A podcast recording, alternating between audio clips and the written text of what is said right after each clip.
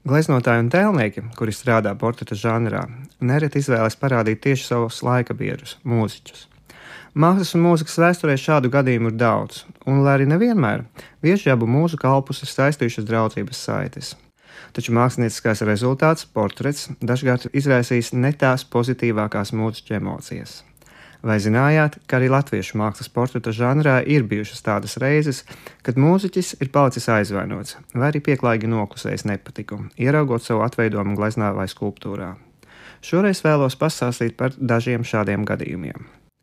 1949. gadā tēlniece Marta Lange veidoja komponista Emīļa Melngaļa portretu bronzā. Un, lai arī portrets guva atzinību profesionāļu aprindās, pats komponists, par kura sarežģīto raksturu mūzikas vēstures stundās parasti stāsta tikpat daudz, kā par viņa slavenāko kora dziesmu Jāņu vakars, palicis ļoti neapmierināts, jo esot sanācis pārāk vecišķis. Māksliniece, kura tobrīd bija savā radošā ceļa sākumā, darbā ar jau cienījamu vecumu sasniegušu komponistu jutās pārgurusi. Turklāt Melgālim ļoti nepatika pozēt. To, ka šīs sadarbības aizkulises tolaik bija plašāk zināmas, liecina arī komponista Alfrēda Kalniņa ieraksts savā dienas grāmatā. Un tumāns iznācis Melngālis Langas veidojumā. Nabadzītie bija jāstrādā tikai pēc foto, jo Melngālis nebija piedabūnis pie pozēšanas. Savukārt pašam Alfredam Kalņam ar savu portretu autoru bija paveicies. Viņu un tēlnieku Teodoru Zaļkalnu vienoja cieša draudzība, un tēlnieks savu draugu portretējis vairāk kārtīgi. Citi gadījumi saistīti ar pazīstamiem mūsu laika komponistiem. Gleznotājs Uldis Zemzeris, kurš zināms arī kā rakstnieks, savās atmiņu grāmatās minējis par mūziķiem, kurus portretējis. Nesaprašanās bijusi ar izcilo simfoniķi Jāni Ivanovu. Gleznotājs pēc kāda Ivanova koncerta uzzīmēja draudzīgu šāržu, un tas mūziķi bija ļoti aizvainojis. Tāpēc vēlāk, uzaicināts pozēt portretā, viņš esot atcirtis: Jūs mani necienat, tādēļ tur nekas nevar sanākt. Portrets tomēr tapa, bet bez modeļa klātbūtnes, un gleznotājs atzina, ka tas noteikti nepieder pie viņa labākajiem darbiem. No visvairāk portretētajiem komponistiem jāmin Raimons Pauls un Imants Kalniņš. Gleznotājs Arthurs Nikitins pēc Raimonda Paula portreta pabeigšanas 1977. gadā varēja tikai skumji konstatēt, ka portretā no naturālisma bijis jābeig cik iespējams, Komunists esot pozējis tikai vienu reizi un tad pazudis. Tāpēc māksliniekam bija jāliek lietā sava iztēle, lai paveiktu iesākto.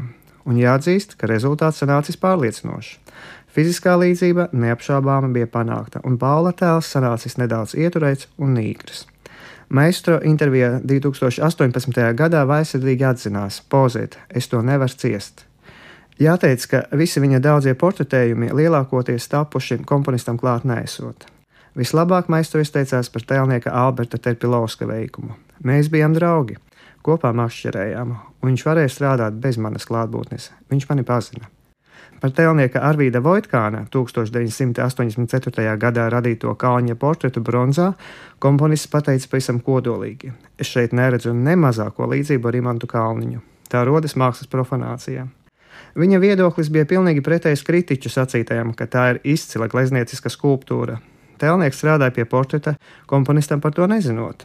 Tāpēc nav brīnums, ka uzmetot skatu mākslas darbam, kas tapis jau gandrīz pirms 40 gadiem, kādreizējam hipiju Elkam Imkam atlika vien pateikt: Es tā nekad nesēdētu. Lai kādi būtu šie gadījumi, un nereti tie ir smaidu izraisoši, jau minētā nevēlēšanās pozēt vai lūgums atļaut smēķēt šīs nodarbes laikā, kā tas noticis Aldim Kļaviņam, gleznojot savu draugu Imantu Kalniņu, par kura veikumu komponists bija ļoti apmierināts. Konstatējams, ka tieši portreta žanrs mēdz izsaukt visplašākās diskusijas un emocijas.